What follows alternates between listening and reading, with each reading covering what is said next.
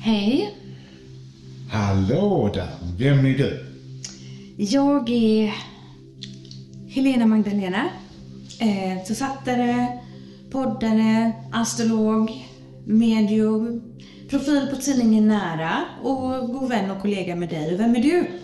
Ja, än så länge i detta livet så är jag inte Erik utan jag är Benny Rosenqvist.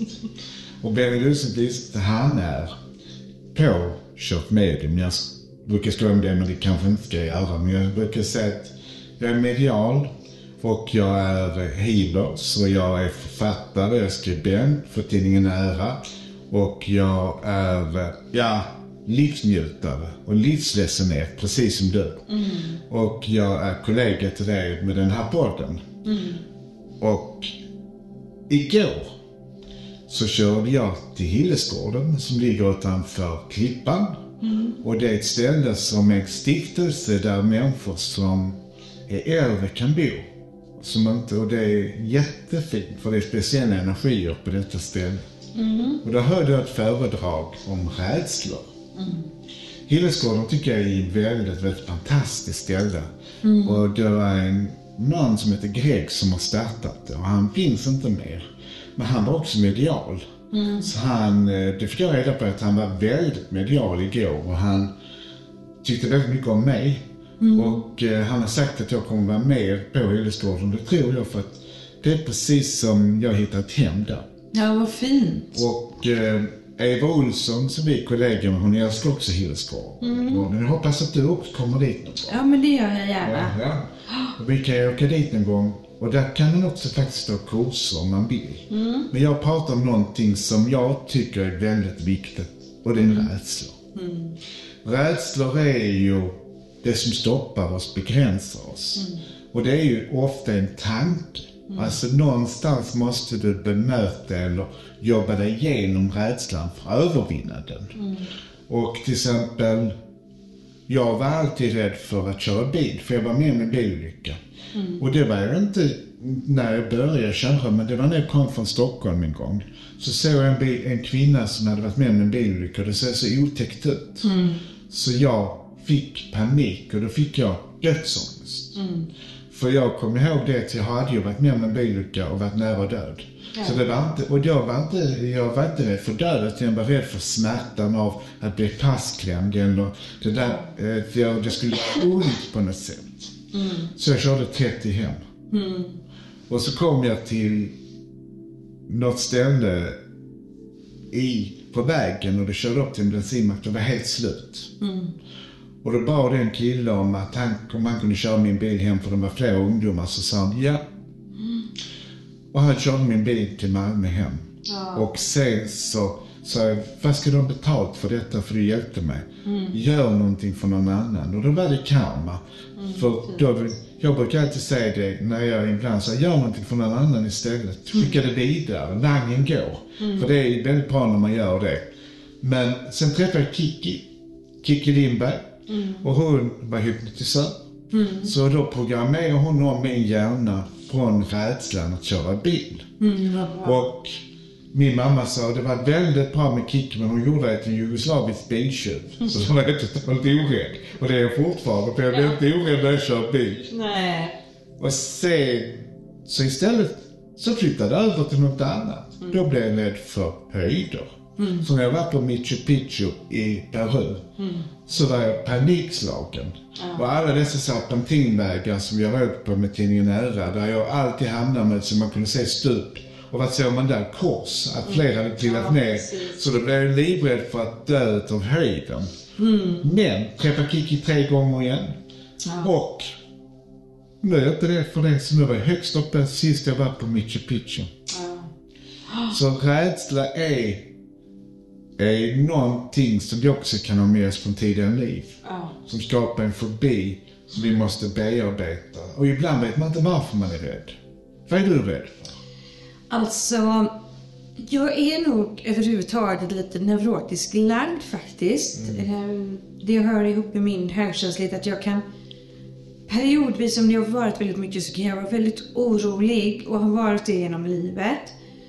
Och då kan jag vara orolig för sånt som jag kan påverka. Jag är också väldigt orolig för det jag inte kan påverka. Den här indirekta oron som...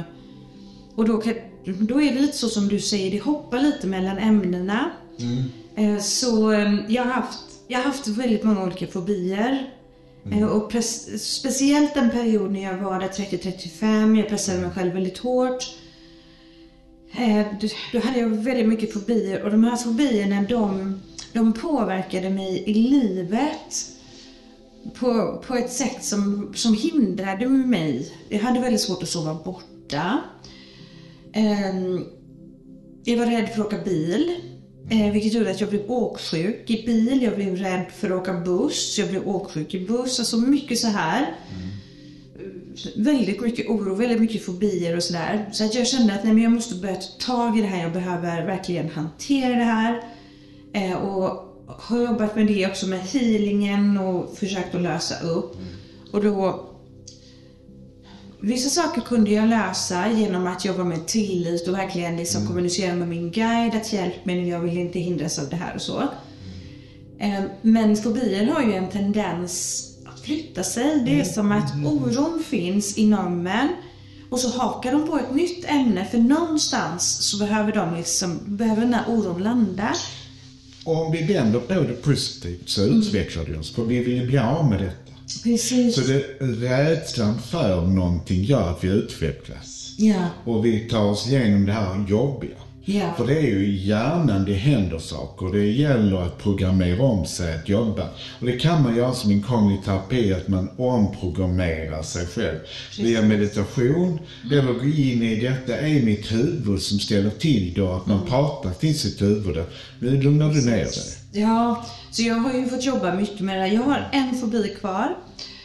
Och den har varit ända sedan den tiden. Och vi är några som har den här fobin. Den har ett namn som jag inte kan. Men jag har, jag har kräkfobi. Fobi för att människor ska kräkas. Så jag kan bli... Överhuvudtaget så har jag väldigt svårt för att vara med människor som är fulla för det blir så oberäkneligt och ryckigt. Jag är för högkänslig för det men sen dessutom kan de ju kräkas. Så den fobin har jag kvar. Sen eh, rädd.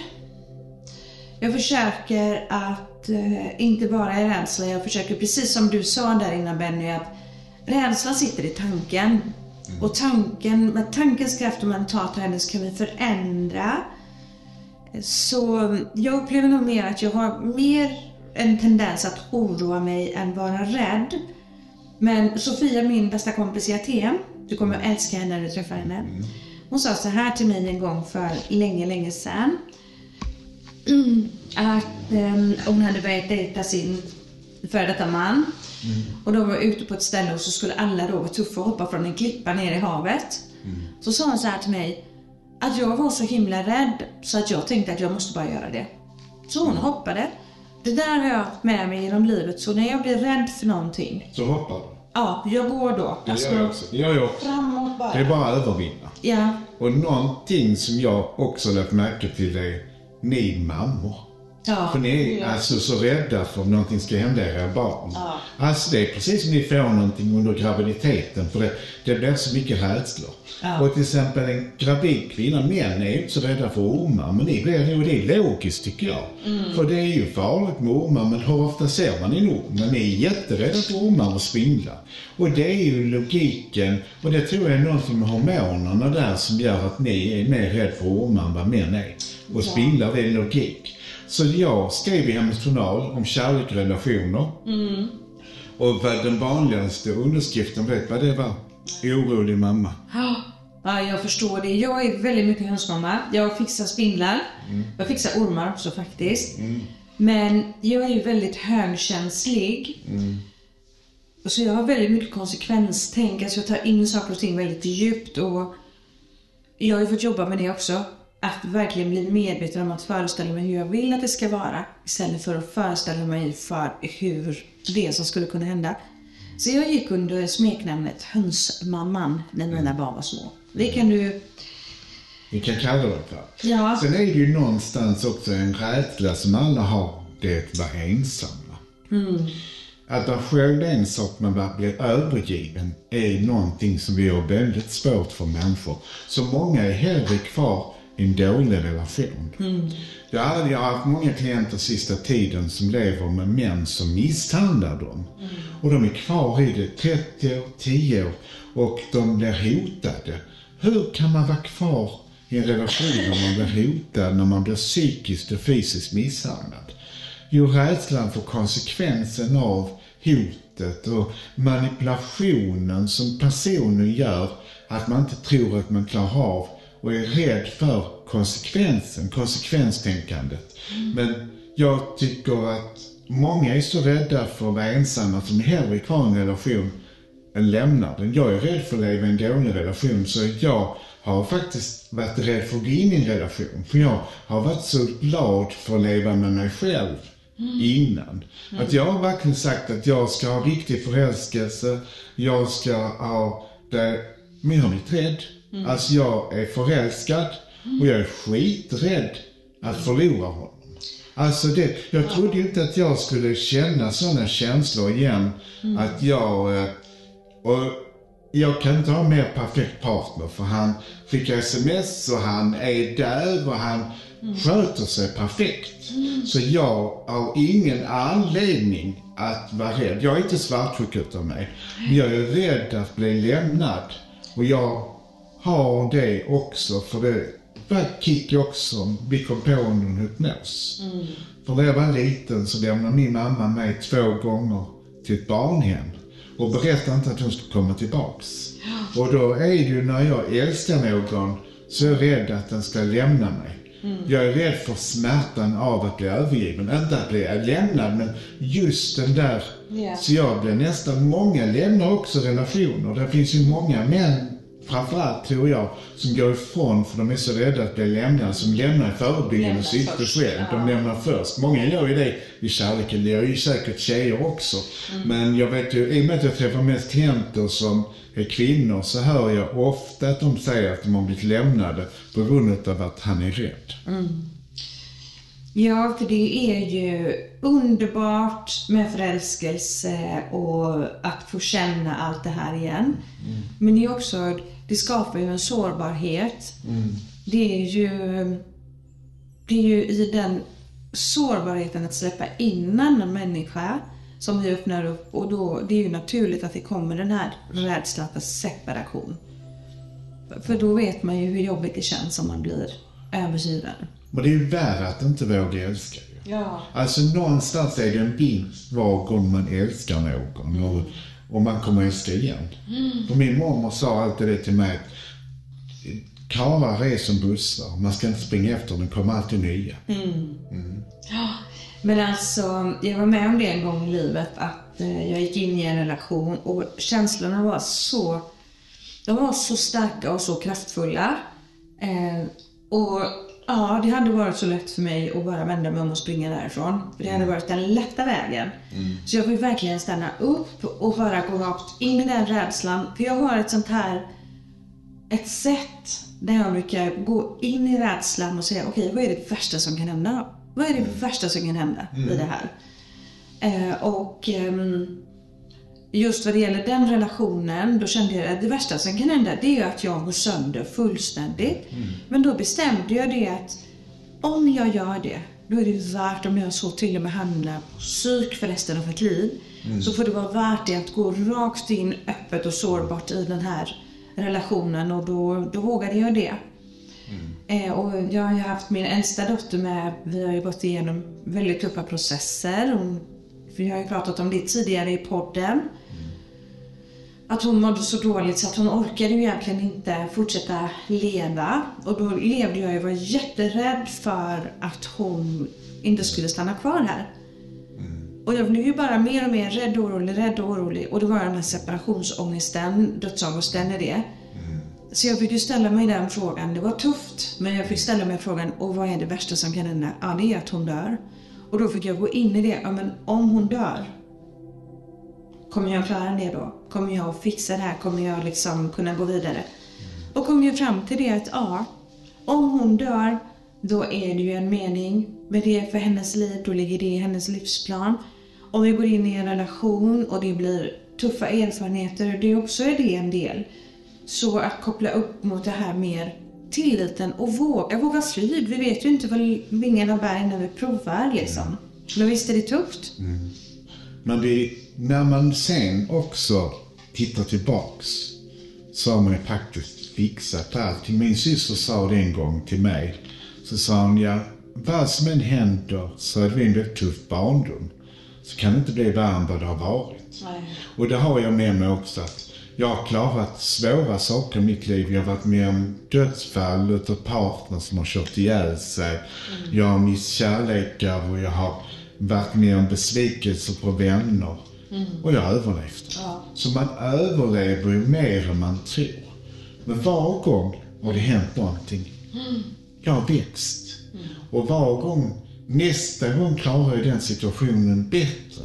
För det känns ju som när, när det händer saker i mitt liv så känns det som jag är mer logisk nu än vad jag var innan. Förra gången jag, det inträffade.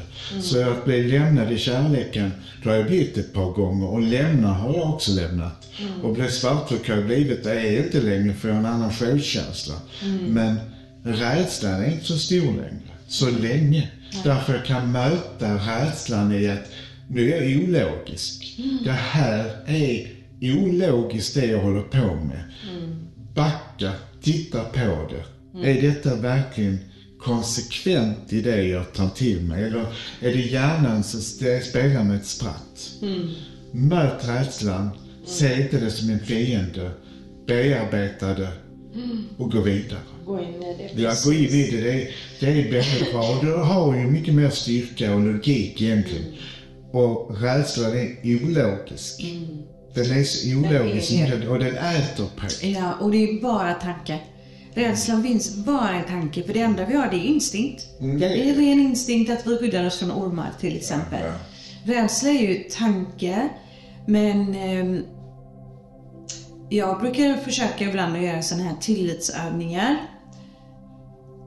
Alltså jag, jag tror på något sätt att eh, jag har en känsla av det. Att det är lite förutbestämt den dagen vi väljer att gå hem till himlen igen.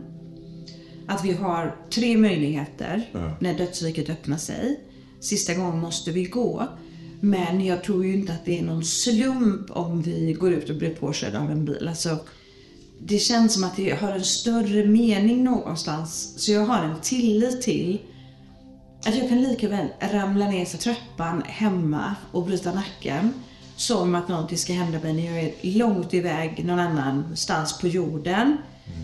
Så jag brukar prata med min andliga ledare och min huvudguide och sätta tilliten att det är det idag, det händer, så händer det. Och det hade ju inte jag när jag var yngre, då kunde jag ju bli väldigt rädd. Men sist som jag blev extremt orolig och väldigt rädd Benny, det var när du blev jättedålig hemma i mitt kök för jag kände mig så maktlös. Ehm, jag hade verkligen ingenting liksom att, att gå på och då, då greps jag verkligen av den här rädslan att tänk om Benny lämnar mig nu. Och det var, det var fullständig panik där ett tag. Verkligen. Men eh, det var inte den biljetten. Nej. Så det var, alltså jag tror någonstans också den som är rädd för att dö. Ännu mer rädd för att de inte ska hinna med allt de, och att de inte är färdiga. Så rädslan för döden är inte den som jag är. Utan jag, jag är så inne i livet, jag tycker det är så underbart. Så jag känner någonstans, jag är rädd att jag inte ska hinna med allt. Ja. Så när jag tittar på det så är det inte, jag har inte dödsångest längre. För det hade jag när jag var yngre. Ja. Utan jag har eh, rädsla att inte hinna med ångest kan man säga. precis. Och att jag fyller mitt liv med så mycket som möjligt. Och jag har nog, jag vill nog självdiagnostisera men jag har någon form av ADHD för jag har så överskottsenergi, jag kan jobba hur mycket som helst. Så om inte jag hinner med allt jag vill i detta livet så är det nog ingen som gör det. Nej. Så jag är ju inte riktigt normal egentligen alltså. Men allt jag... säger det själv. ja. Men jag är ju, jag lever ju fullt ut. Ja, det gör du. Och jag välkomnar livet fullt ut. Var morgon är en fest. Och jag tycker det är spännande att kunna vara aktiv. Jag tycker alla är jättelångsamma. Jag tycker alla är tråkiga för de orkar ingenting. För min energi är det få människor som har. Jag har en kompis som är som jag och det är Karin Lasserov. För hon har sån överskottsenergi också. Så när vi är så är det liksom samma energi. Faktiskt. Det är, jätte, det är jättehäftigt. Och det är min tvillingfärg eller själsfrände när det gäller, inte själsfrände men tvillingfärg som jag ser det. Och vi har, och det är men man kan ha olika energi med olika människor. Vi har en energi. och Vi har, du har också mycket energi. Och det är ju ett skapande. Men jag är ju fantastisk. Så jag, jag fyller mitt liv med saker. Och när du gör det så tror jag inte du är rädd för att. Nej. För den som har levt fullt ut, och det är ofta de som man träffar gamla människor som säger Åh, jag är så nöjd för jag har fått ut det jag vill om livet. Så lev så, så var dag var den sista. Varje sekund var den du kan fylla med någonting. Och fyll det med det som du vill göra. Precis. Då kommer du dö lycklig i alla fall. Jag vill dö med ett läppe, leende på läpparna. Och jag vill inte vara rikast på kyrkogården. Nej. Nej, det ligger verkligen mycket i det. Verkligen att leva livet fullt ut tills den dagen det är över. Eh, och jag håller på nu och pratar med mina barn om att jag kommer, jag har sagt det till dem, att jag kommer samla på mig så att jag har ett litet medicinförråd. För om jag skulle bli liksom lite av ett vårdpaket och bli fast inom åldringsvården så skulle jag nog skynda på det där lite. Och så har jag sagt att eh, de, de får finnas vid min sida och se till att jag har målade naglar och inte skäggväxt på hakan och sådär. För det, det är faktiskt någonting som jag... Jag kan inte säga att jag är rädd för det, men jag hoppas att jag bara får lämna den här jorden snabbt och lätt. Jag var med om en upplevelse i söndags. Då var jag på ett äldreboende för dementa. Och jag kan säga att jag var jätteledsen när jag åkte därifrån. Inte på dem, för de var... Min kompis pappa, han har träffat en ny kärlek. Och den kvinnan har jag träffat förr i livet. Hon är en gammal frisör. Och han har miste sin fru. Nu när han är dement så har han ju tappat det lite att han har haft en annan kvinna. Så de, han har blivit förälskad på ålderdomshemmet. Så de sa, det finns alltid en chans att man kan träffa någon där. Men hon var en underbart levande person fast hon var dement. Hon visste nog inte riktigt vem hon var längre. Men den kvinnan hade jag en gång som lärare. I- På en kurs i Spanien som frisör. Och då möter jag henne igen. Och då berättar hon en rolig historia. Och det var, detta hände 82, kanske tidigare. Så hade hon varit i London. Och då hade hon, då förr fanns inte gelén. Och då hade hon tänkt så här att gelé och så sa hon, jag hinner inte till London, sa hon till sin man. Och gelé, vad ska jag göra? Det var ju så bra. Men så sa hon, det ser ut som glidmedel. Och eh, glidmedel, och det är alltså, jag kom ju på det med att jag träffade henne och det var ju just det. Så, så hon gick in på apoteket. Och detta var 80-tal. Och det var en sån apoteksråtta, du vet, med en par, par flugg med svarta glasögon. Och en sån som pratade med hela byn i Trelleborg. Så hon blev lite förskräckt. Så tänkte hon, har ni större förpackning än med glidmedel? Jag vill ha en kilo. Så tänkte hon, ja de blev ju 35 i kursen som de köper. 25 burkar, 25 kilo. Jag ha 25 kilo. Och expediten hon tappade hakan. Och tänkte, detta får jag rätta till nu. Nu får jag rätta till detta för det är inte klokt. Så säger hon, ja, jag ska hålla kurs hela helgen. Herregud, tänk vad hon måste tänkt. Expediten. Ja. Man kan, tänka- man kan hoppas att expediten inte hade för mycket inre seder, du vet, och såg detta i bilder. Tänker jag. Men visst är det underbart att historien möter mig igen. Alltså detta har jag skrattat åt många gånger. Och så plötsligt så sitter människan i en soffa bredvid mig och jag kommer att tänka på glidmedel. Jag ser henne. Det var rätt så lustigt. Jättekul. Vad fint att ni fick mötas igen också. Och vad härligt att hon fortfarande liksom var energisk och full av liv. Och det är väl det som är, känner jag, just med människor som är dementa. Jag har jobbat med dementa en del.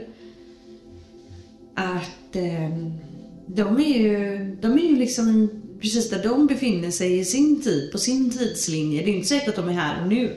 För de går ju ofta bakåt. Det är som att leva sitt liv baklänges. Så min mormor blev ju dement och i slutet så var ju hon väldigt mycket i Skövde och ingen förstod den här kopplingen med Skövde. Men då hade hon varit där när hon var barn. Så hon sa, här är jag i Skövde. När du är i Vedla, Skövde. Eh, så det är ju faktiskt på något sätt kan ju också det vara en befrielse att få gå in i den där förvirringen. Mm, jag tror det är jobbigt innan man, när man vet att man håller på att bli det. Men sen är det ju en anhörigsjukdom, det är hemskt att se på. Ja. Men de lever också i andevärlden, för de pratar ju, de reser emellan. För de pratar om sin mamma, de pratar om sin pappa, att de är där. Och jag tror de träffar dem. Ja. Så jag tror också det är en andlig sjukdom att de faktiskt blir mediala.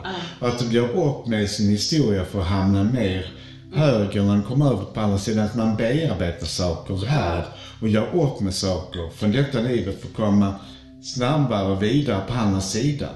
Fin förklaring. Verkligen. Jag är helt övertygad om att det är så. Min, mor, min mormor där i slutet, mormor var inte kanske jätteandlig på det sättet. Hon var ju öppen så, precis som min mamma är jätteöppen.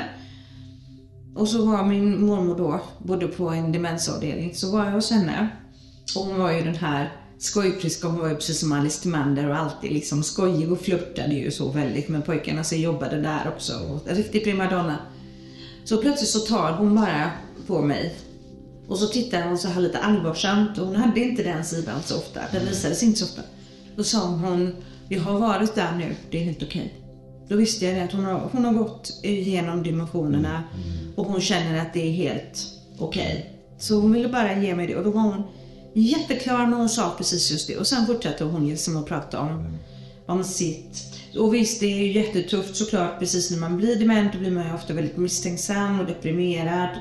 Anhöriga kanske inte heller förstår riktigt vad det är som händer. Men sen när man har kommit igenom det och också att man har den hjälpen som behövs. För man får ju ofta ett ganska stort om tillsynsbehov helt enkelt.